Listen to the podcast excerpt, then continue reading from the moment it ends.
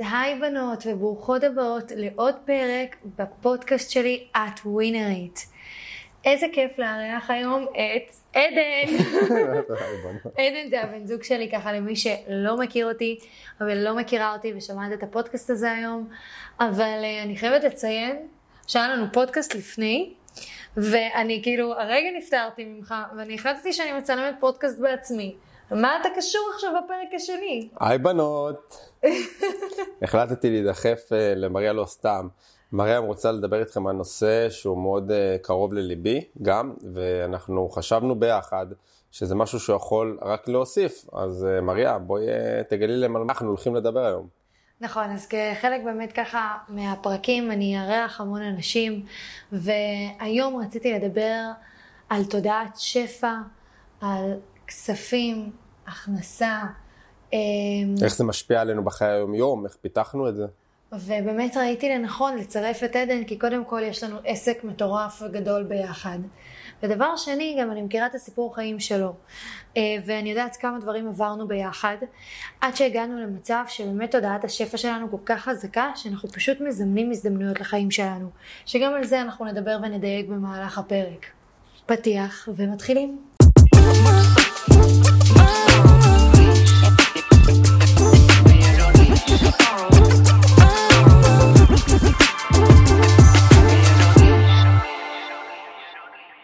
טוב, עדן, אז בוא ככה, למי שלא מכיר אותנו, תציג את עצמך.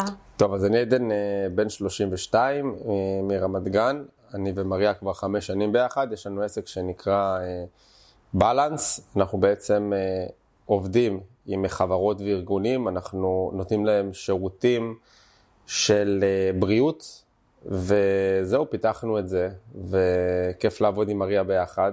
בלנס זה בעצם אה, זרוע שיצאה מהעסק הגדול שלנו שנקרא מי. אה, פיתחנו ביחד אפליקציה של וולנס, בריאות והתפתחות אישית, שבתוך האפליקציה יש לנו מועדון של 2,500 מנויים, פלוס אנחנו עובדים עם חברות בפרויקט בלנס כמו שעדן ציין. אה, ובעצם מי זה מריה עדן. בנוסף לזה, כמו שאתן יודעות, אני גם אה, יועצת עסקית ויש לי תוכנית להעצמה נשית. עדן אה, הוא יזם ככה שבשנים האחרונות הוא מתעסק באין סוף דברים, אם זה בתחום הביטוח, אם זה בתחום העצמה הגברית, אה, שתינו ברשת, וכל דבר בעצם אנחנו רואים בו גם הזדמנות לעשות כסף. ראש עסקי, כמו שאומרים, כל דבר הזדמנות, אני גם בן אדם שמאוד אוהב להכיר אנשים, וכל דבר שאנחנו עושים, אנחנו בודקים בסופו של דבר גם איך להפוך את זה למשהו שעסקי, שמגלגל ומכניס לנו עוד כסף, כי מי כמונו יודע שצריכים אה, כמה זרועות כדי להכניס היום כסף ו- ולגלגל אותו. אני חושבת אבל שאתה תסכים איתי עדן, שכל העניין הזה סביב כסף, הכסף התחיל להגיע רק מתי שאנחנו התחלנו להיות בתודעה שאני ממש רוצה לקרוא לה גבוהה יותר, נכונה יותר, בתודעת שפע. כי לפני זה, תמיד, תמיד רצינו כסף, בוא נשים את הדברים על השולחן. מי לא, אבל כן, אנחנו, במיוחד אנחנו, במיוחד את שאת באת מבית שהוא פחות, אה, פחות היה לך את זה, ואני באתי מבית שיותר היה. אנחנו באמת ככה נפגשנו בגיל 19 שלי. בגיל 27 שלי. נכון, עדן היה בן 27, אני כבר שנתיים גרתי לבד בתל אביב, הייתי בצבא, אה, וזו הייתה תקופה שהיא הייתה מאוד מאוד קשה מבחינתי כלכלית. אמ, הייתי עובדת תוך כדי צבא בשתי עבודות, ובאמת ניסיתי לפרנס את עצמי, אמ, שילמתי על שכירות לעצמי, פלוס עזרתי למשפחה. הצבא לא הגדיר אותי כחיילת בודדה, כי כן הייתי בקשר עם המשפחה, אז לא היה לי יותר מדי עזרה מהצבא, חוץ מזה שהביאו לי תא שבע, אבל מבחינת כלכלית הייתי צריכה לפרנס את עצמי לגמרי. אמ, ותמיד הייתי בלופ הזה של איך אני עושה יותר כסף. תמיד הייתי על לחץ של כסף. המוח היזמי שלי, הראש היזמי שלי, תמיד ניסה למצוא הזדמנויות ולחשוב על דברים, אבל במקום של לחץ, במקום של אני צריכה עכשיו כסף. זה מאוד קשה. מאיפה אני מביאה כסף? וכשפגשתי את עדן, אז עדן אמנם הגיע מבית שהוא מאוד מפנק. אה, עכשיו, לא מבית סופר עשיר. אני קורא לזה בית מבוסס, אה, גרנו בהוד השרון, גרים, ההורים שלי עכשיו גרים בהוד השרון. ובואו נגיד שהיה לי כל מה שאני רוצה, כמובן לא בהגזמה, אבל uh, רכב בגיל 17, ואז גם בגיל 20 אחרי שעשיתי תאונה, ואז גם בגיל 22 אחרי שעשיתי עוד תאונה. אה, וזה לא קשור רק לרכב, זה קשור לזה שאני מגיע הביתה ותמיד יש אוכל חם על השולחן, ואם אני הייתי בצבא אז תמיד יש אה, כסף ומביאים לי כדי לבזבז ולאכול בחוץ ומזמינים בארוחות שישי, ובגדים ממש צריך, זאת אומרת שלא הייתי חייב לעבוד, זה, זה היה יותר בשביל, בשביל הכיף שלי לעבוד, ובחיים לא, לא הרגשתי את המצב הזה שאני כאילו צריך לשרוד. או לבוא ולעשות משהו, שזה גם, אני רואה את זה היום כמשהו שהוא אז היה מבחינתי פחות טוב, אבל אז אני חייתי כמו מלך, כאילו, ככה הסתכלתי על זה. אבל גם אז, למרות שחיית כמו מלך, תמיד כאילו חיפשת להיות יותר, תמיד נכון. רצית להרוויח כסף. ותמיד דיברנו, תמיד היה בינינו את השיח הזה של, אנחנו הכרנו, אוקיי, זוגיות מדהימה, נשים את זה רגע בצד, וראינו ישר עתיד. אמרנו, אנחנו רוצים להיות מבוססים, אנחנו רוצים להצליח בחיים. אבל למה אני נוגעת בנקודה הזאת? כי זה התחיל אצלנו ממקום של לחץ. ממקום של כאוס, מתסכול גם. מתסכול, מאיך אנחנו באמת משיגים את הכסף הזה. ולמה אני מציינת את זה? כי אני מרגישה שבפרק הזה אני רוצה לשים את הנקודה על למה תודעת שפע חשובה? כי הרבה אנשים מספרים על כמה צריך תודעת שפע, ועל כמה זה חשוב לזמן לעצמך כסף לחיים. אבל אני רוצה לתת דוגמה חיה למה שאנחנו עברנו, איפה אנחנו היינו ואיפה אנחנו היום, ואיך באמת התודעת שפע באה לידי ביטוי בחיים שלנו, ולמה זה כל כך חשוב, גם מבחינה נפשית, להיות בתודעה גבוהה כזאת של דברים מגיעים אליך. כי אנחנו היינו במקום הזה, עדן, היינו במקום של לרוץ אחרי כסף. עכשיו, אחרי הצבא, אני ישר התחלתי לעבוד בשלוש עבודות. זה מטורף. אני הייתי בטירוף. כי תמיד אמרתי בראש, אני רוצה להצליח. וכבר אז היה לי ראש מאוד יזמי, למדתי תוך כדי שככה עבדתי בשלוש עבודות, גם למדתי קורסים של פילאטיס אז, נכון. וגם התחלתי לעשות אימונים אישיים, וגם אתה קברת את עצמך בשעות של אימונים אישיים. נכון, אני פשוט גם אז, זה מה שתמיד, היה לי מאוד קשה לשחרר מזה, כי כאילו הייתי עושה כביכול כסף שהוא היה מאוד קל מבחינתי, הייתי עובד איזה 4-5 שעות ביום, ומכניס אה, כסף שהוא יפה, וגם לא הרגשתי את הקטע הזה של...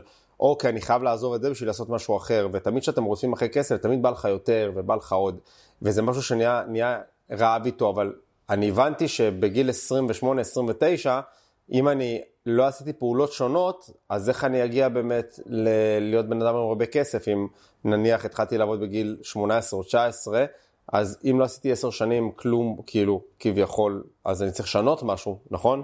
גם מה הבעיה?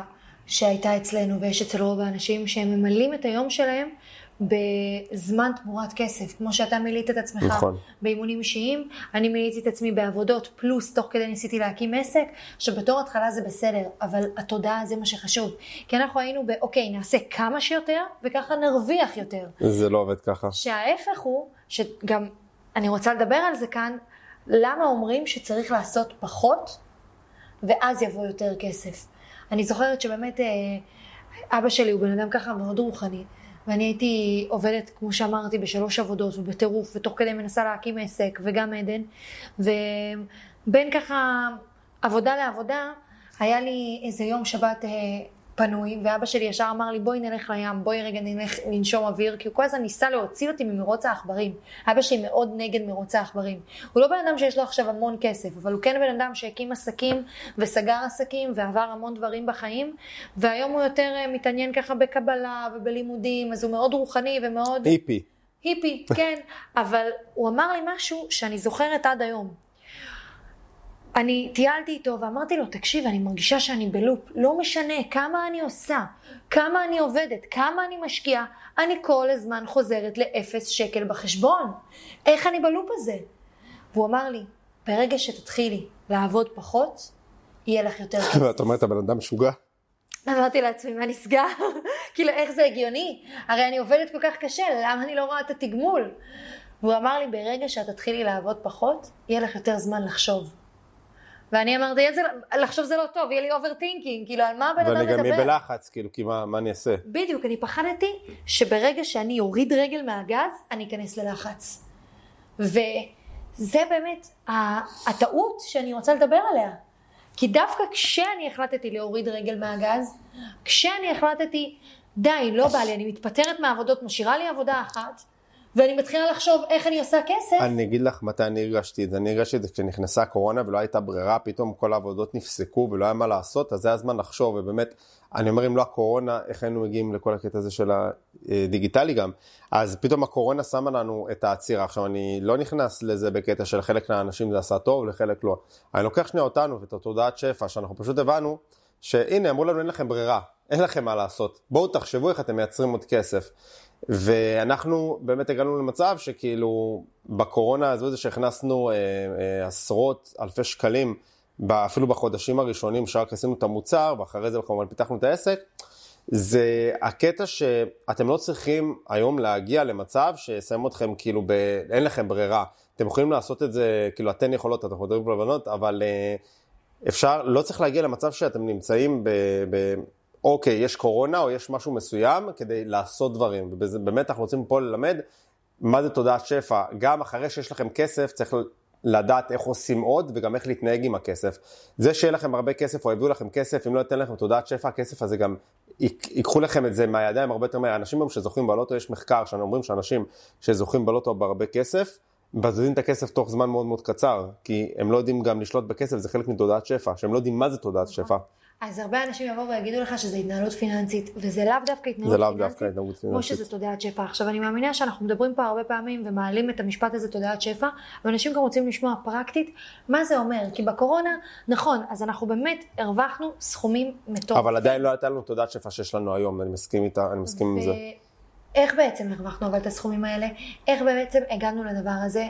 אנחנו הבאנו את זה ממקום רוחני יותר. אני לא יודעת אם אתה זוכר עדן, אני לפני שהיה לי את הרעיון בקורונה אה, סביב הדיגיטל, זה לא שהקורונה הכריחה אותי, אני לא חושבת שהכריחה אותי, אני חושבת שהיא העמידה אותי במצב שזה אני מול אלוהים, או אני מול העולם, כל אחד במה שהוא מאמין בו, של אוקיי, מה אני עושה עכשיו? אני הייתי קצת לחוץ, כן, אבל את פחות... אני אה... התחברתי יותר לקטע הרוחני שלי ויותר לעולם עצמו. ואני חושבת שזה מה שהביא לי את השפע לחיים. מה זאת אומרת? הרי שפע זה לא רק כסף, שפע זה גם רעיונות. שפע זה הזדמנויות. שפע זה לדעת לראות את ההזדמנויות. השפע מתחיל מדברים קטנים, אני יכול סתם לספר סיפור שנייה, שאני לא יודע אם זה קשור. אני, היום היינו בבית קפה, זוכרת בבוקר שהיינו נכון. בבית קפה, ואני אמרתי למריה כשבאנו לבית קפה, יש בית קפה שאנחנו מאוד אוהבים פה בתל אביב, זה, זה בית קפה כזה שהוא נמצא אה, כמו בוטקה כזה, ויש איזה סנדוויץ' שאנחנו מאוד אוהבים, שזה סנדוויץ' עם אה, אבוקדו וסלט ביצים. עכשיו, מריה אמרה לי באותה שנייה, תקשיב, בואו נזמין היום משהו אחר, אנחנו תמיד חולקים חצי חצי כי באמת סנדוויצ'ים גדולים. אז uh, מריה אמרה לי, היום אני רוצה טוסט uh, בלקני כזה, אז אמרתי לה, זורם, אמרתי לה, וואלה, אולי נקרא חצי אה, בייגלה כזה עם אה, את הסנדוויץ' הזה, נכון? עם, ה, כן, עם, הבי, עם, הסלט ביצים ואבוקדו. ואז אה, כשבא, כשבאתי לקופה, לא הזמנתי את הסנדוויץ' הזה, והזמנו באמת את, ה, את הכריך הזה, את הטוס של הבלקני, וכשישבתי, אז כשהמלצרית הביאה לי, וכבר שילמתי, היא הגישה לי גם את החצי כריך של הסלט ביצים עם האבוקדו. ומה זה אומר? מה זאת אומרת השפע הזה? זה לא שאני באתי וביקשתי וחשבתי בראש איך בא לי, והלוואי שהיא תביא לי, ושזה יהיה פה, הלוואי. פשוט העולם מביא פשוט העולם מביא לי מה שרציתי, כי באתי ואמרתי את זה, וכן חשבתי על זה בראש, אולי אני אקח, ואמרתי אוקיי, ושח... אבל שחררתי מזה, לא חשבתי אולי, אולי אני אקח, אולי אני לא אקח, פשוט ישבתי, ופשוט הביאה לי חצי סנדוויץ' עכשיו, מה הסיכוי שהיא תביא לי דווקא את החצי סנדוויץ' הזה, שיש כל כך הרבה סנדוויצ'ים, וגם באתי ואמרתי, שאלתי אותה מה עם הטוסט, אז כאילו, ש... עכשיו, אבל מה הקטע? אז בעצם קיבלת עוד חצי סנדוויץ' בחינם לגמרי. בחינם לגמרי. ורוב האנשים, מה הם היו עושים בסיטואציה כזאת? היו מחזירים את החצי סנדוויץ' ואומרים להם שהם נכון. בעצם קיבלו את הסנדוויץ' בטעות. זו בדיוק סיטואציה שהיא נורא קטנה, אבל זה בדיוק המקום של להסביר מה זה תודעת שפע. זה לדעת לקבל את מה שהעולם מביא לך. זה לדעת שאוקיי, קיבלת חצי סנדוויץ' במתנה, אתה לא צריך להחזיר אותו. מגיע לך, מגיע לך לקבל דברים בחינם, מגיע לך לקבל הזדמנויות, מגיע לך לקבל המון כסף.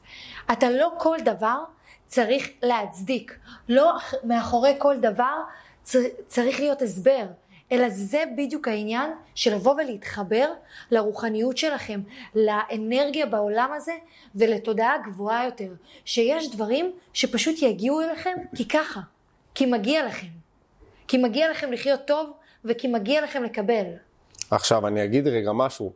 זה עדן של פעם, מה היה עושה? באמת לוקח את הסנדוויץ' ואומר למה, למה הביאו לי זה, ובא משלם או מחזיר. עכשיו, זה לא קטע של ניצול, אני חייב להגיד, זה לא קטע של ניצול, אולי קיבלתי חינם, אני אנצל את המערכת, אבל זה בדיוק הגיע לי, יכול להיות שאם זה סנדוויץ' אחר, הייתי בא ואומר, אוקיי, אולי הם טעו וזה סבבה, אבל פה זה היה כאילו אותה סנדוויץ', אז אמרתי, מה הסיכוי? אז כנראה, אמרתי למר... כאילו איך, ש... איך שאמרתי לך, הנה, רוצה, אמרתי, אמרתי את זה, זה תודעת שפע, אמרתי אוקיי, בוא נבדוק שזה הסנדוויץ', אמרתי, נראה לי שזה, כי ראיתי, אמרתי, וואו. אז זה באמת, זה מה שאמור להיות, וזה פועל בכל דבר בחיים, זאת אומרת, מהדבר הכי קטן של סנדוויץ', לדברים הכי גדולים של כסף, אפילו בית שאתם רוצים, בת זוג שאתם רוצים, כלב שאתם רוצים, כל דבר, יש עוד מלא דוגמאות, כאילו אם את רוצה אני אתן פה דוגמאות שאני יודע שקרו לי אישית, שזה לא רק קשור לכסף, אנחנו כן נגיע לקטע של הכסף, אה, במיוחד שעוד מעט נגיע מאיזה בית, כאילו ונדבר מאיזה בית אני הגעתי, שתודה שפע שלי הייתה הרבה יותר נמוכה משלך, וכשאני חייתי ביותר פסיליטיז, יותר אפשרויות, שאנחנו יכולים לדבר על זה, אבל קרו לי עוד הרבה מקרים. אז באמת אני רוצה שנדבר על זה דווקא עכשיו, כי אני באמת חושבת שמהדוגמה של הסנדוויץ' עד לדוגמה של מה שקרה לנו בקורונה, הכל עניין של אני האמנתי שמגיע לי. ואני חושבת שברגע שמגיעים ממקום שהוא מאוד מאוד מאוד נמוך, כמו שאני הגעתי, ממקום ממצב כלכלי של המשפחה שהוא מצב על הפנים, שסופרים באמת את הדקות של הדוד, וסופרים את ה... אה, כמה מדליקים חשמל בבית, כמה מדליקים מזגן בבית, ושיא החום, אבל עדיין לא מדליקים מזגן, כי אנחנו עדיין לא באוגוסט, ובוא נדליק מזגן רק באוגוסט. אז מבית כזה אני מגיעה, מאוד קשה לפתח תודעת שפע של מגיע לי הכל, ואני יכולה לבזבז כמה שאני רוצה, ולקבל כמה שאני רוצה חזרה. מאוד קשה לפתח את התודעה הזאת. וברגע שבאמת הבנתי בתקופת הקורונה שאין לי ברירה, שבסופו של דבר הפרנסה היא משמיים, אבל אני צריכה להאמין שהפרנסה שלי היא גבוהה בשביל באמת לקבל אותה, הבנתי את זה רק במצב שבאמת הגעתי ואמרתי, אוקיי, לא משנה כמה קשה אני אעבוד, זה לא מביא לי את הסכומים שאני רוצה. אז מה צריך להשתנות בי?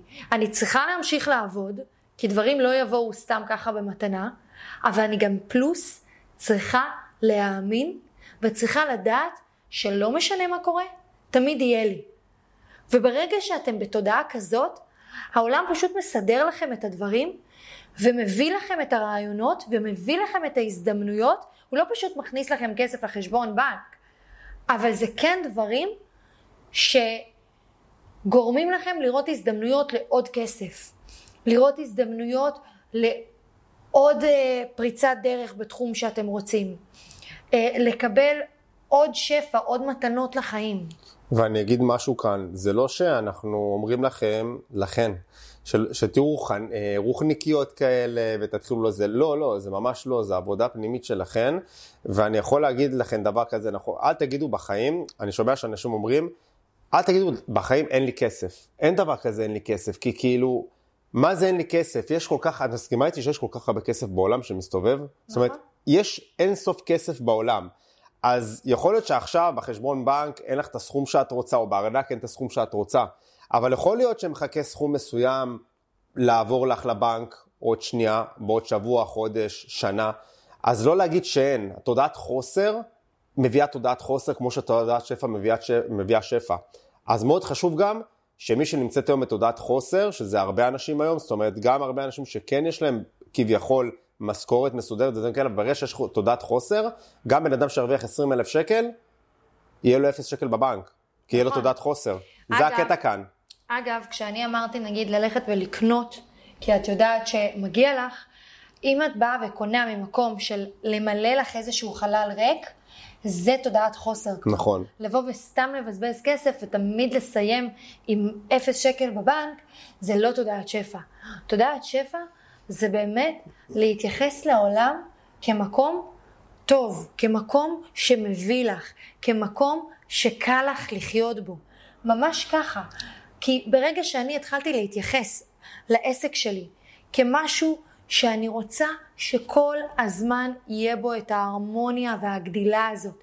לא באתי ואמרתי לעצמי, אוקיי, אני אשב על רגל, אה, רגל אה, על רגל ולא אעשה כלום ויבואו אליי דברים. לא. אבל אמרתי, אני לא רוצה לבזבז יותר זמן, אני רוצה להתחיל לבנות לי איזושהי מערכת שהיא כל הזמן תייצר לי. אני חיפשתי לעשות כמה שפחות, לקבל כמה שיותר, אבל שבפחות הזה אני תמיד אעשה את המאה אחוז. אז בעצם מה שאנחנו מנסים כאן להגיד, אני רוצה גם ש...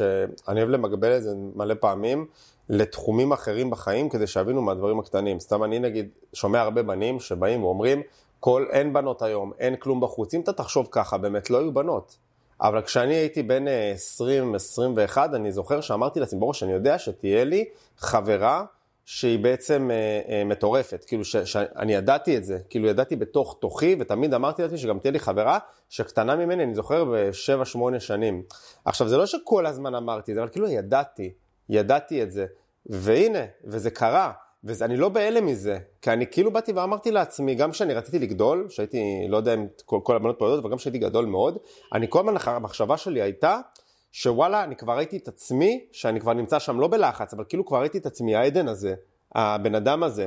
ואותו דבר כסף, את, אתם צריכים לדעת שהכסף יבוא, שהכסף יהיה, ואז גם לא רודפים אחרי זה. זה לא רגע, מתי זה יגיע? מתי הכסף יבוא? מתי... אני יודע שזה יבוא, אז זה לא יבוא עוד שנה, שנתיים, זה יבוא עוד שלוש, הכל בסדר.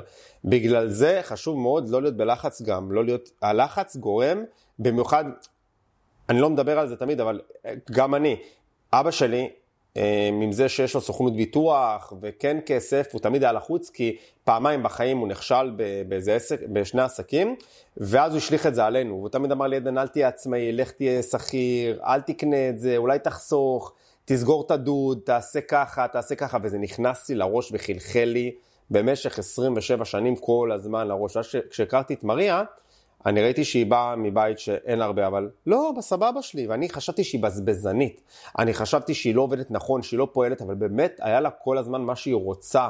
תמיד כל הזמן היא הסתובבה עם אה, גם, אה, מה זה מותגים, תמיד לא, לא היה חסר לה כלום, ותמיד הייתי בהלם מזה, כאילו הייתי בשוק, כאילו איך בן אדם מתנהג ככה, כאילו הייתי חושב שהיא חסרת אחריות, אבל אז אני הבנתי שככה העולם עובד, שככה החיים עובדים. היא לא ישבה רגל לרגל ולא עשתה כלום, אבל כאילו היא האמינה שיש לה, היא האמינה שיהיה לה. והיא לא פחדה לקחת סיכונים וגם להשקיע את הכסף. זה מה שאני בא להגיד כאן. אז אני חושבת שבאמת ככה למי שלא יודע, כי אמרת פה כשהייתי גדול, אה, עדן מתכוון לזה שלא רק בעניין הכסף, אלא פשוט אתה כבר באמת עברת למקום של גם לזמן, לדמיין את מה שאתם רוצים. עכשיו, תודעת שפע זה יותר לדעת לקבל ולהאמין שמגיע לכם. ברגע שאתה מאמין שמגיע לך משהו ואתה יודע לקבל אותו, זאת אומרת אתה גם יודע לתת. וברגע שאתה יודע לשחרר מעצמך כסף ודברים, אתה גם תקבל חזרה. מסכים איתך לגמרי. מה שאתה התכוונת אליו כשאמרת שהיית גדול, זה שאתה פשוט ראית את עצמך. אה, עדן אה, באמת היה ככה 115 קילו. כן. הוא היה 115 קילו שהייתי ילד רזה לפני, כן. מסת שריר. אה, הוא היה ממש באדי בילדר וענקי, הוא הגיע לתוצאות מטורפות, גם אה, ככה מהניסיון שלי בתחום ה fitness והתזונה, בדרך כלל מי שיש לו ככה קוליטיס לא יכול להגיע לתוצאות כאלה, זה מטורף. אז כאן זה יותר עבודה של מנטלי ופיזי, שזה יותר קשור לכושר, וזה בגלל זה היה לי יותר קל, אבל כל הקטע של תודעת, התודעת שפע, לי היה יותר, היה יותר קשה לקבל את זה, כי קיבלתי ערכים. מהבית שהם לא נכונים, של פחד, של, של תחסוך, תשמור שטר לבן, איך אבא שלי אומר, אה, גרוש לבן ליום שחור. וכל הזמן ראיתי כסף, התעסקות של כסף, ו- ולהתעסק כל הזמן עם כמה כסף יש לי בחשבון, וכל הזמן כאילו להיות על זה שאני מרוויח מספיק, וכשאתם מתעסקים בזה, אתם נכנסים לאיזשהו לופ כזה, מאוץ עכברים, ולא יצאתי מזה. אה, הרבה שנים הייתי ככה, בואי, את מכירה אותי חמש שנים, כמה שנים הייתי ככה, גם כשהרווחתי יפה, כל הזמן הייתי מתעסק בכסף, נכון. ומה קרה לי? נהייתי חולה מזה. נכון, אגב, שתדעו, זה שאתם מרוויחים אולי טוב היום, זה לא אומר שאתם נמצאים בתודעת שפע. עכשיו, באמת, אם כבר אה, דיברת על הזימון, אז של לזמן לעצמכם דברים בחיים, אז אני רוצה באמת גם אה, לתת דוגמה של איך אפשר לזמן לעצמנו גם שפע. זאת אומרת, מעבר ללדעת לקבל ולדעת שמגיע לכם, יש משהו שאני עושה, וכבר עדן דיבר על זה, אז בא לי כבר לתת את הטיפ הזה גם פה. אמ, אני כל ערב וכל בוקר מזמנת לעצמי, דרך גם תודעת השפע שלי והאמונה העצמית שלי, את העתיד שלי. זאת אומרת, אני חיה בעולם עדן היום של אני יודעת שיהיה לי מיליונים. איזה כיף זה. איזה שלווה לדעת שאתה כבר בין האנשים העשירים שיש. אתה חי בעולם, אתה עוד לא שם, אבל אתה יודע שזה שלך. אה, זה מקביל, אה, נגיד, תחשבו שיש לכם חשבון בנק, ואתם פשוט עוד לא פתחתם אותו. אבל אתם יודעים שזה החשבון שלכם ושיש לכם שם כל כך הרבה כסף. אז ככה אני חיה היום, ואיך אני יוצרת את זה? אני בעצם יוצרת לעצמי את המציאות. אני כל ערב וכל בוקר, זה לוקח לי 10-20 דקות, זה תלוי, ממש לפני השנה אני כבר עוצמת עיניים במיטה, או שאני קמה בבוקר ויושבת כמה דקות עם עצמי. אה, לפעמים אני עושה את זה במדיטציה, ולפעמים אני פשוט באמת רק יושבת ומדמיינת. אני ממש מריצה לעצמי את כל הדרך עד הסוף, שהסוף מבחינתי זה איזשהו, איזושהי פריצת דרך אה, ענקית שיצרתי לעצמי, שמבחינתי שם אני אגדיר את זה כהצלחה שלי. זאת אומרת, לשם אני רוצה להגיע, לשם אני שואפת, אבל אני ממש מדמיינת לעצמי לא את הסוף, אלא ממש את כל הדרך עד הסוף. מהדברים הכי קטנים. אם נגיד בסוף אני באמת רואה את עצמי מגיעה אה, להרצות על במות לא רק בארץ אלא גם בחו"ל ואני רואה את עצמי על שיטי חוצות ואני רואה את עצמי עם תוכנית בוקר, זה חלק מהדברים שאני רואה את עצמי עושה, אז אני ממש מדמיינת מההתחלה איך אני עושה את זה, מהפגישות הקטנות שאני עושה בזום, מהעבודות הקטנות שאני עושה, מההתקדמות שלי, מהצילומים שאני עושה בשביל השלטי חוצות, עד לקשרים שאני יוצרת עם אנשים, מדמיינת עצמי לוחצת ידיים עם אנשי עסקים, מדמיינת את כל העבודה עד ההצלחה, ומדמיינת גם את ההצלחה. עכשיו, אומרים שבדרך כלל ברגע שאתם כל הזמן מריצים לעצמכם את הסיטואציות שאתם רוצים, הרי מה ספורטאים עושים בדרך כלל עדן? הם פשוט מדמיינים פעם אחרי פעם את האימונים, את הקרב ואת השחייה. נכון, אבל אנחנו צריך, גם צריכים לזכור כאן, אני רוצה לתת גם כלים, כי עוד פעם, רוב האנשים ורוב הבנות ששומעות אותנו, אני מתאר לעצמי שרוצות לשאוב מידע, אבל המוח שלנו גם מלא פעמים לוקח אותנו למקומות שליליים, כי זה, זה המצב הרבה פעמים, כל אחד יכול להתמודד עם סיטואציות אחרות. אני יכול להגיד שמה שמריה עושה, זה הכל טוב ויפה, אבל גם אצלי הרבה פעמים המצב הזה היה גורם לי לכאילו, אוקיי, למה לא הגעתי לזה עדיין, ואם זה לא יהיה מדויק, ואם זה לא יקרה ככה, אז אני, מבחינתי, מבחינת עדן, זה היה יותר לשחרר. זאת אומרת, מבחינת, מבחינתי, אוקיי, תפסיק להתעסק, יהיה לך, הכל טוב, יש לך, אתה הולך בדרך הנכונה, יש לך, הכל טוב, אתה מתקדם, אתה הולך, לי זה היה כאילו יותר קטע של, אוקיי, בוא תירגע, אתה לא צריך להתעסק בזה יותר, ואתה עושה.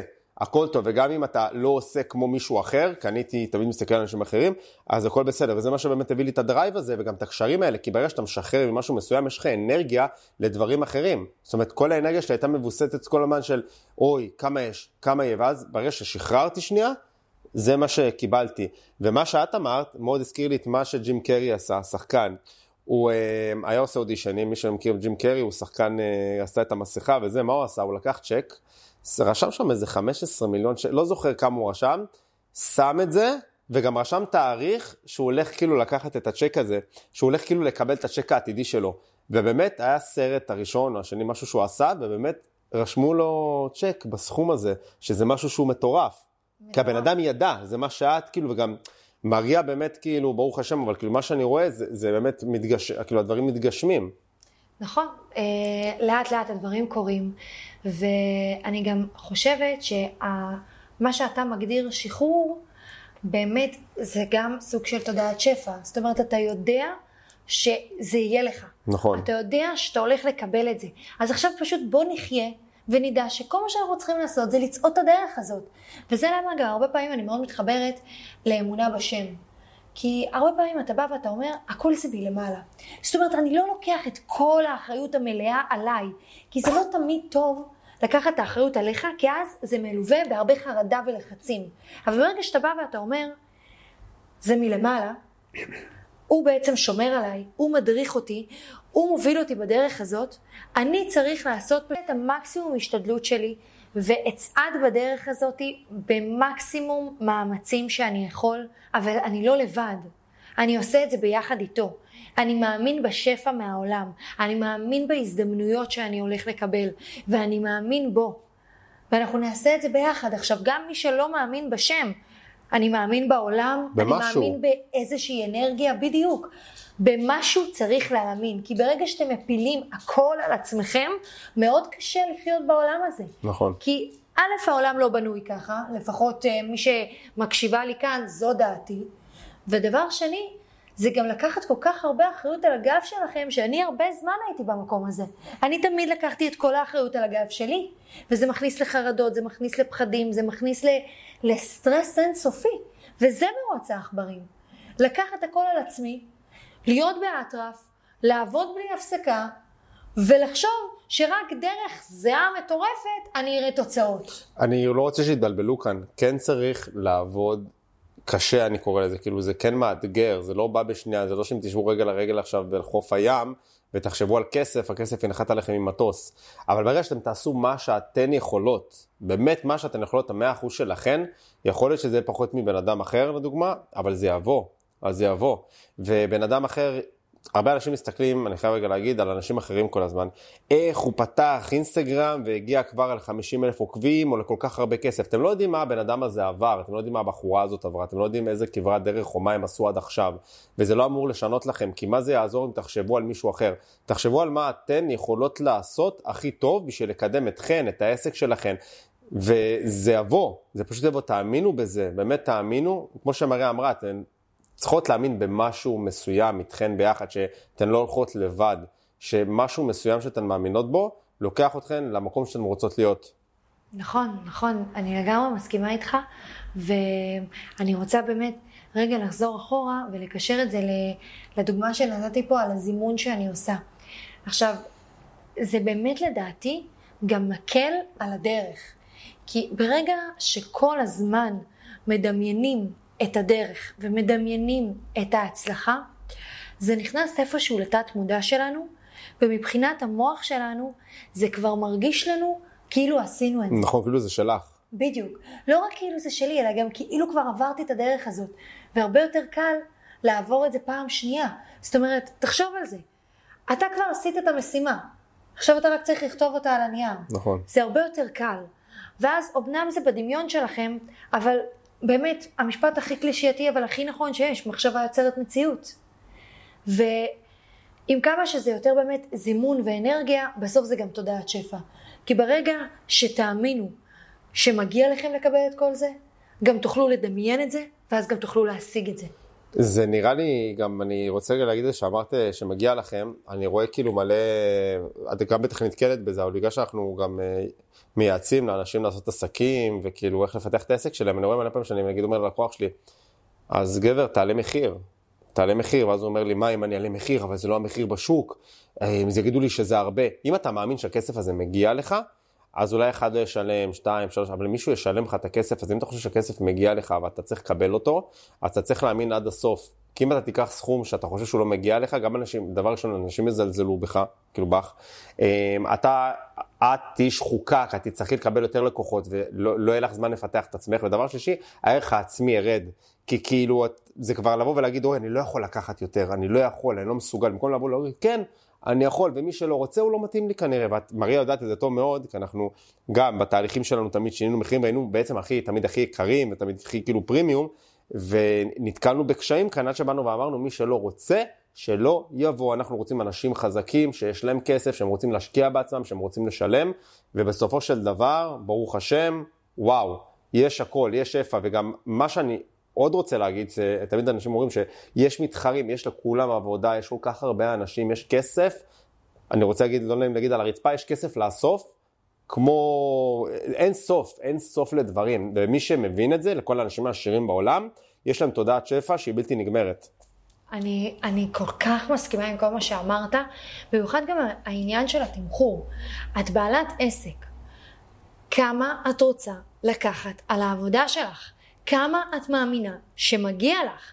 תשאלי את עצמך את הדברים האלו, ואל תיקחי אפילו בשקל פחות ממה שאת חושבת שמגיע לך. גם אם זה אומר שבהתחלה לא יהיה לך לקוחות. את בסוף תביאי אותם. בסוף מי שמדויק ונכון לך יגיע. עכשיו אני לא אומרת רק פתחת עסק, את, את חדשה בתחום, תתחילי לקחת 4,000 שקל לשעה. לא יודעת מה את עושה. ברור שלא. את כמובן חייבת גם לעשות את זה מציאותי, זאת אומרת, את חייבת להתאים את עצמך גם למה שקורה בשוק, בסביבה, לעשות תוכנית עסקית ברורה ונכונה, אבל אל תורידי מעצמך בשביל יותר לקוחות. תיקחי את מה שמגיע לך. נכון שהיא לא צריכה לקחת בעסק בהתחלה, אה, או יותר כסף, אבל היא כן צריכה לקחת מספיק כסף, כי תחשבי שבהתחלה, דווקא בגלל שאין הרבה לקוחות, צריך לקחת סכום שכן יכול להחזיק אותה, וברגע שיהיה לה הרבה לקוחות, היא במרכאות יכולה, נגיד, נגיד יש לה כבר שם והיא מותג, היא יכולה דווקא להוריד מחיר ולמכור להמונים. ואז יש לה גם את הגב הכלכלי באמת. אז דווקא בהתחלה, לא לבוא ולהוריד מעצמך, כי יש הרבה בנות שפותחות עסקים, אומרות, אוקיי, אם היא לוקחת, נגיד, סתם ציפורניים, אם מישהי לוקחת, כמה לוקחים ציפורניים היום? 150. 150, אז היא פתאום אומרת, אני אקח 80. לא, ממש לא. לא לעשות את זה. את מסכימה איתי שלא צריך לעשות את זה? אני לא, אני לא מסכימה, אני לא מסכימה, הבנתי. כי אני כן חושבת שהיא צריכה לקחת מחיר שהיא חושבת שמגיע לה, זאת אומרת לא לבוא ול... אם את תקחי 80 שקל, אבל איפשהו זה יעשה לך צביטה בלב שאת לוקחת 80 שקל, אז אל תקחי, תקחי יותר. אבל כן בהתחלה, לקחת קצת פחות מהשוק, כי היא צריכה לצבור לקוחות, היא צריכה לצבור שם, היא צריכה לצבור מעמד, ואז תעלי מחיר. אבל כן לקחת מחיר שעדיין מרגיש לך ששווה את העבודה שלך. אז יש לי שאלה אלייך, אוקיי? עכשיו היא באה ונגיד יש לה 15 לקוחות. לכל לקוחה היא לקחה 80 שקלים, והיא באה להעלות את המחיר עכשיו ל-120. והיא באה ללקוחות שלה, מה היא עושה עם הלקוחות שלה? היא צריכה להעלות להם את המחיר. מה היא אומרת להן? היי, אני מעלה לכם את המחיר באיזו הודעה והכל, או שהיא פשוט משאירה להם את המחיר, ולשאר הלקוחות החדשות, היא משאירה את אותו מחיר. מה את עושה עם דבר כזה? אז אה, אני חושבת שפה אנחנו נכנסים קצת אה, לא לתודעת שפע, אלא לתוכנית עסקית, ובאמת הפודקאסט הוא בנושא אחר, אבל אם כבר שאלת, נענה על הסיטואציה הספציפית הזאת. קודם כל, זה מאוד אה, תלוי בסוג סוג הלקוחות. אם 80 שקל, בגלל זה אמרתי, מתגמל את העבודה, מההתחלה הוא תגמל, ועכשיו היא פשוט רוצה להעלות מחיר. אה, וה-15 לקוחות האלה באמת לוקחות לה את כל הזמן, אז היא צריכה לעלות להם. אבל אם ה-15 לקוחות האלה הם רק ההתחלה שלה, ויש לה מקום לעוד 30 לקוחות, אז את ה-15 לקוחות הראשונות היא תשאיר באותו מחיר, ואת החדשים היא תעלה על מחיר. הבנתי, כי אני נגיד סתם, הספר שלי לקח לי בהתחלה 80 שקלים, אחרי זה 90 ואחרי זה 100. אני הבנתי את זה כי אני בעל עסק, אבל אני בטוח היה אנשים שהעשרה שקלים האלה עצבנו אותו, אבל בן אדם שבא והודיע לי לפני זה, אם... מה אני אוהב? שבן אדם בא ומודיע, אני כאילו, למה רציתי שתגידי את זה כאן, סתם שתפני אליהם וגם תגידי, כי בגלל גם שתתי עסקית, אבל כן להודיע ללקוח, זה מאוד מכבד, זה להודיע ללקוח לפני זה. לבוא להגיד לו, חד משמעית. אני בכלל בראש של מאוד תלוי, שוב, אני לא, לא ארחיב על זה עכשיו, אבל זה באמת מאוד מאוד תלוי מה אופי העסק. נכון, אם הספר שלך לדוגמה, אין לו יותר לאן להכניס לקוחות. זאת אומרת, הוא הגיע למכסה שלו. ללימיט. כמובן שתמיד יש יותר, אבל כרגע, בשביל להתרחב, הוא צריך להעלות ללקוחות הקיימים שלו את המחיר, אז ברור שזה מה שהוא צריך לעשות. בהתראה מראש, בהודעה מראש, הוא חושב שמגיע לו יותר, הוא רוצה להתרחב, הוא צריך להעלות את המחיר.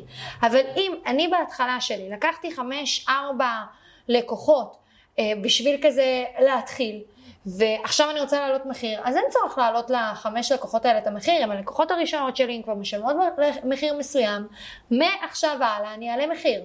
זה מאוד תלוי בכמה לקוחות אני נמצאת, באיזה מצב העסק נמצא, האם הגעתי למכסה. זה באמת כבר עניין לפרק אחר. אמ, אני רוצה לחזור באמת לתודעת שפע, דיברנו על זה כל כך המון היום, באמת ככה נתנו פה הצגה של כל ההיסטוריה שלנו בחמש שנים האחרונות, אם זה בתחילת הדרך שלך ושלי, אם זה בעסק, אם זה... איך זה בא שאנחנו- מהמשפחה? בדיוק, איך זה בא במשפחה, איך זה בא לידי ביטוי היום. אמ, ובא לי ככה לתת איזה שלוש טיפים חזקים של איך בן אדם יכול לפתח תודעת שפע. הוא שומע, הוא שומע אותנו, הוא שומע את הסיפור, הוא שומע את הזימון, אומר וואלה מדהים. אני עכשיו קורע את התחת, מרגיש שכל הזמן אין לי. איך אני עוצר שיהיה לי? מה אני מתחיל לעשות? איך אני מתחיל להאמין? איך אני מזמן לעצמי דברים? איך אני נמצא בתודעה גבוהה? דיברתם שעות, תנו לי פרקטיקה איך אני עושה את זה. דבר ראשון שאני ממליץ לעשות אותו, זה, כל הזמן אני אומר את זה, אבל סביבה. אני מאוד אוהב להיות בסביבה, נגיד, שאני יודע שאם הייתי גר עם ההורים שלי היום, זאת אומרת, הייתי צריך להיות בסביבה שלהם, אם לא הייתי מספיק, אני, יצאתי מהבית ואני התחזקתי, אבל אם הייתי נשאר בבית, בבית של ההורים שלי, וזה היה בית כזה שכאילו כל הזמן אני רואה, אה, גם שיהיה, גם כשיש, זה לא משנה, גם כשיש כסף, זה לא הקטע, כי ברוך השם יש, אבל על הדוד, ועל אולי לא, ואולי זה פחות, ואולי זה, ולא צריך, ואני לא רוצה להוציא את העיניים, הרכב הזה מספיק, דברים כאלה, אז או לצאת מהבית, אין מה לעשות, או מה שאני אומר, אם אתן, אם אתן אה, בנות שעדיין גרות אצל, אצל ההורים ואין לכן ברירה, נגיד, לא יודע, סטודנטיות, להכניס, זה מאוד קשה, אבל להכניס מהאוזן הזאת ולהוציא מהאוזן הזאת, וכן להסתובב בסביבה שמאמינה שיש, כי אני יכול להגיד אה, לכן, שלפני שהכרתי את מריה, אז גם הסתובבתי הרבה פעמים עם חברים כאלה, ולא שמתי לב לזה, אתם לא שמות לב, כי זה, זה לופ כזה שמסתובבים, וכאילו לא שמים לדברים האלה לב. וכשהכרתי את מריה, באמת גיליתי את כל הקטע של התפתחות אישית, של התודעת שפע, וגם ראיתי את זה באמת מגיע. אז מה שאני אומר זה קודם כל סביבה שלי, לי אישית זה עזר מאוד. אז דבר ראשון, באמת, אה, סביבה מנצחת, אנשים שנמצאים בתודעה כמו שלכם, אנשים שמאמינים שמגיע להם יותר. דבר שני, שאני באמת חושבת שזה הדבר שהכי עזר לי, ושהכי בנה אצלי את תודעת השפע שלי, זה לתת. ברגע שאתם נותנים, תורמים, עוזרים, אתם הצד הנותן, גם אם היום אתם חושבים שאין לכם, עדיין תיתנו. עדיין תיתנו מה שאתם יכולים. אם זה חמש שקל להומלס ברחוב. אם אתם יכולים ללכת לסופר ולקנות אה, כל כך הרבה מצרכים הביתה, אז ששתיים מהמצרכים האלו יהיו למישהו ברחוב. ברגע שתעשו את הסוג של מעשר הזה מעצמכם, מי שנותן, מקבל. כי אם אתם חיים בתודעת שפע, שאתם הצד הנותן, אתם גם תצליחו לקבל. אני באמת כל החיים מחפשת איך לתת למשפחה שלי, וכל הזמן רוצה לתת לסבתא שלי, ורוצה לשלוח לה, ורוצה לעזור לאבא שלי. אני רק רוצה לעזור. כי כל עוד אני יכולה לעזור, אני מאושרת. זאת אומרת, אני נמצאת במצב שאני לא צריכה, אני יכולה לתת. ואז אם אני נמצאת בתודעה הזאת, אני גם פשוט אקבל דברים מהעולם. גם אני לא רוצה שבנות פה יחשבו שהן צריכות כל הזמן לחכות שיהיה להן הרבה כסף. לא, אתן לא חייבות שיהיה לכן הרבה כסף, כמו שמריה אמרה. אתן יכולות לתרום גם חמישה שקלים. אני, כשאני אה, הולך, אה, תמיד מניח תפילין, אז שמים כזה שקל, שניים, כמה שקלים שיש לכם. זה, זה, זה הקטע שזה לא משנה, לא משנה כמה כל, כל בן אדם שם. ברגע שהוא שם, ברגע שהוא מאמין והוא עושה, אז הכל בסדר. וגם לא לעשות את זה כי אתן אומרות, אוקיי, אני אשים, כי אני רוצה איפה זה, אני רוצה לקבל. לא. כי באמת אתן מאמינות שאתן רוצות לתת, שאתן רוצות להוציא, שעשיתן טוב למישהו, שאתן באות ואפילו לעזור, לא רק לתת כסף, גם לעזור. נכון. לבוא ולעזור, ואיך קוראים לזה? אה, להתנדב נגיד באיזשהו מקום, או ללכת ולעזור אפילו, זה, זה, ככה אני רואה את זה. לגמרי, לגמרי, לתת מעצמכם בשביל לקבל. בדיוק. אם זה הזדמנויות, אם זה עזרה, אם זה פשוט מחמאה למישהו ברחוב, לתת, להוציא מעצמכם, ואז תקבלו גם. ובאמת, אז דבר ראשון היה לנו ככה סביבה מנצחת. דבר שני זה לתת, להיות אנשים באמת שנותנים ועוזרים. ו... דבר שלישי, אני יכול להגיד, שלישי. זה באמת uh, לעבוד יום-יום עם עצמכם על כל הקטע שמריה דיברה, שזה כאילו לדעתי הדבר שהוא כביכול הכי מאתגר, אבל באמת להתחיל לזמן, להתחיל uh, uh, לבוא ולדבר בגוף חיובי. בדברים זה חיוביים. זה מדהים כמה בדיוק אני באתי להגיד את אותו הדבר. אה, שימו לב איך רואים שאנחנו בזוגיות. איך זה השפיע עליי גם. איך רואים שאנחנו לי, באותו תדר. גם חשוב לי להגיד שלא היינו, כל מה שאני ומריה עושים, אה, אנחנו בהתחלה לא היינו מדברים על זה, כי אנחנו לא היינו במקום הזה, שאנחנו ככה יכולים לדבר והכל, אבל אני ומריה כל הזמן מדברים, אחרי שעשינו משהו, אנחנו באים ואומרים, אוקיי, זה עובד. זה עובד, זוגיות עובד, כסף עובד, אה, תודעת שפע עובד.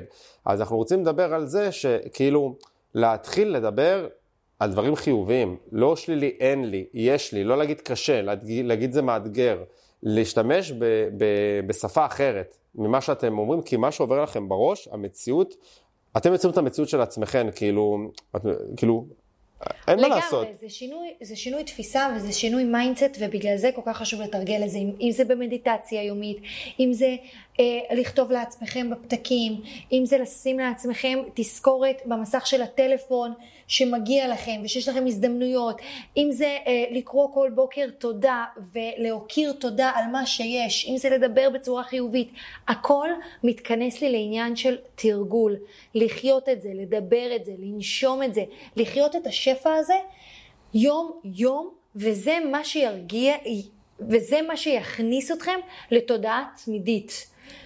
כי רק ברגע שמתרגלים ורק ברגע שעושים, אז זה קורה. וגם אם יש ימים שהם פחות טובים, כי אנחנו בני אדם, אין מה לעשות, זה קורה. בוא, אני לא קם כל יום ואני אומר וואו, וזה אז... אוקיי, להגיד, אוקיי, זה מה אני משחרר מזה, הכל בסדר. אז קורה יום שפחות בא לי או אני פחות רוצה, אבל אוקיי, מחר, הכל טוב, הכל בסדר. פשוט, אני לא רוצה להגיד את זה, אבל שחרר. כל עוד אתן נוסעות, כל עוד אתן בעשייה ובהתקדמות, אז הכל נכון, הכל בסדר. גם לטעות לפעמים זה טוב, בסוף זה אם זה מי ולמטרה, אז כאילו, מה, מה כבר יכול להיות? הכל בסדר. נכון. אז uh, באמת, אלו היו הטיפים שלנו, סביבה מנצחת, לתת מעצמכם, וכל הזמן לתרגל, לזמן, להיות ב mindset חיובי. והכי חשוב, להאמין. להאמין. לתרגל ולהאמין. כאילו, להאמין נכנס לנו לתוך הלתרגל, כי הרי מה שאתה מתרגל זה את האמונה נכון. שלך בשפע. אמ, טוב, זה היה הפרק. אני רוצה באמת ככה להגיד לכן, לכל מי שנשארה עד הסוף, שאם אהבתן את הפרק, זה הזמן, אגב, לתת ולשתף את הפרק הזה עם עוד מישהי שאנחנו יכולות לעשות לה טוב ולצרף אותה לאט ווינרית. לתת לה להרגיש שהיא ווינרית אמיתית. אמ, ואני ככה באמת באמת רוצה להגיד לך עדן שאני סופר נהנית מהפודקאסט והפינה החדשה.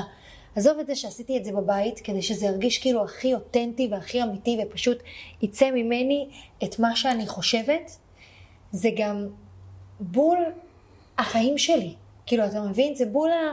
את ווינרית, זה פשוט מה שאני מרגישה ביום יום. אם זה בפן העסקי, הנשי, הזוגי, איתך, הבריאותי. ה lifestyle. ה lifestyle שלי, ואני מרגישה שזה כל כך מדויק, ואיזה כיף שהתארחת היום. ואתה, אתה יודע, מצחיק, כאילו, אני חייב להגיד, אבל מריה קומן אמרה לי שהיא מתה לעשות פודקאסט בבית, ובבית כזה עם חלונות, אתם לא רואים פה את הבית, אבל חלונות אה, גדולים, ואנחנו במרכז. בפודקאסט על ספה ככה, אז תראו, כאילו, אפילו הדברים הקטנים האלה, שזה לא דבר קטן, זה דבר מאוד גדול, אבל כאילו, הנה, אנחנו פה. הנה, זה קורה. כאילו, זה פה עם מלא צמחים פה, שעשתה לי פה איזה ג'ונגל, אבל כן. לא רואים את הצמחים בפודקאסט. לא רואים את הצמחים, אבל אה, כן, זהו. טוב, אז uh, אני אשמח לשמוע מכן איך היה הפרק, תכתבו לי באינסטגרם, מחכה לכן גם שם, uh, וניפגש בפרק הבא. אני לא אהיה בפרק הבא. למה? יכול להיות שתהיה בעוד פרקים. טוב, אני ציני, יאללה. ביי ווינרית. ביי ווינרית.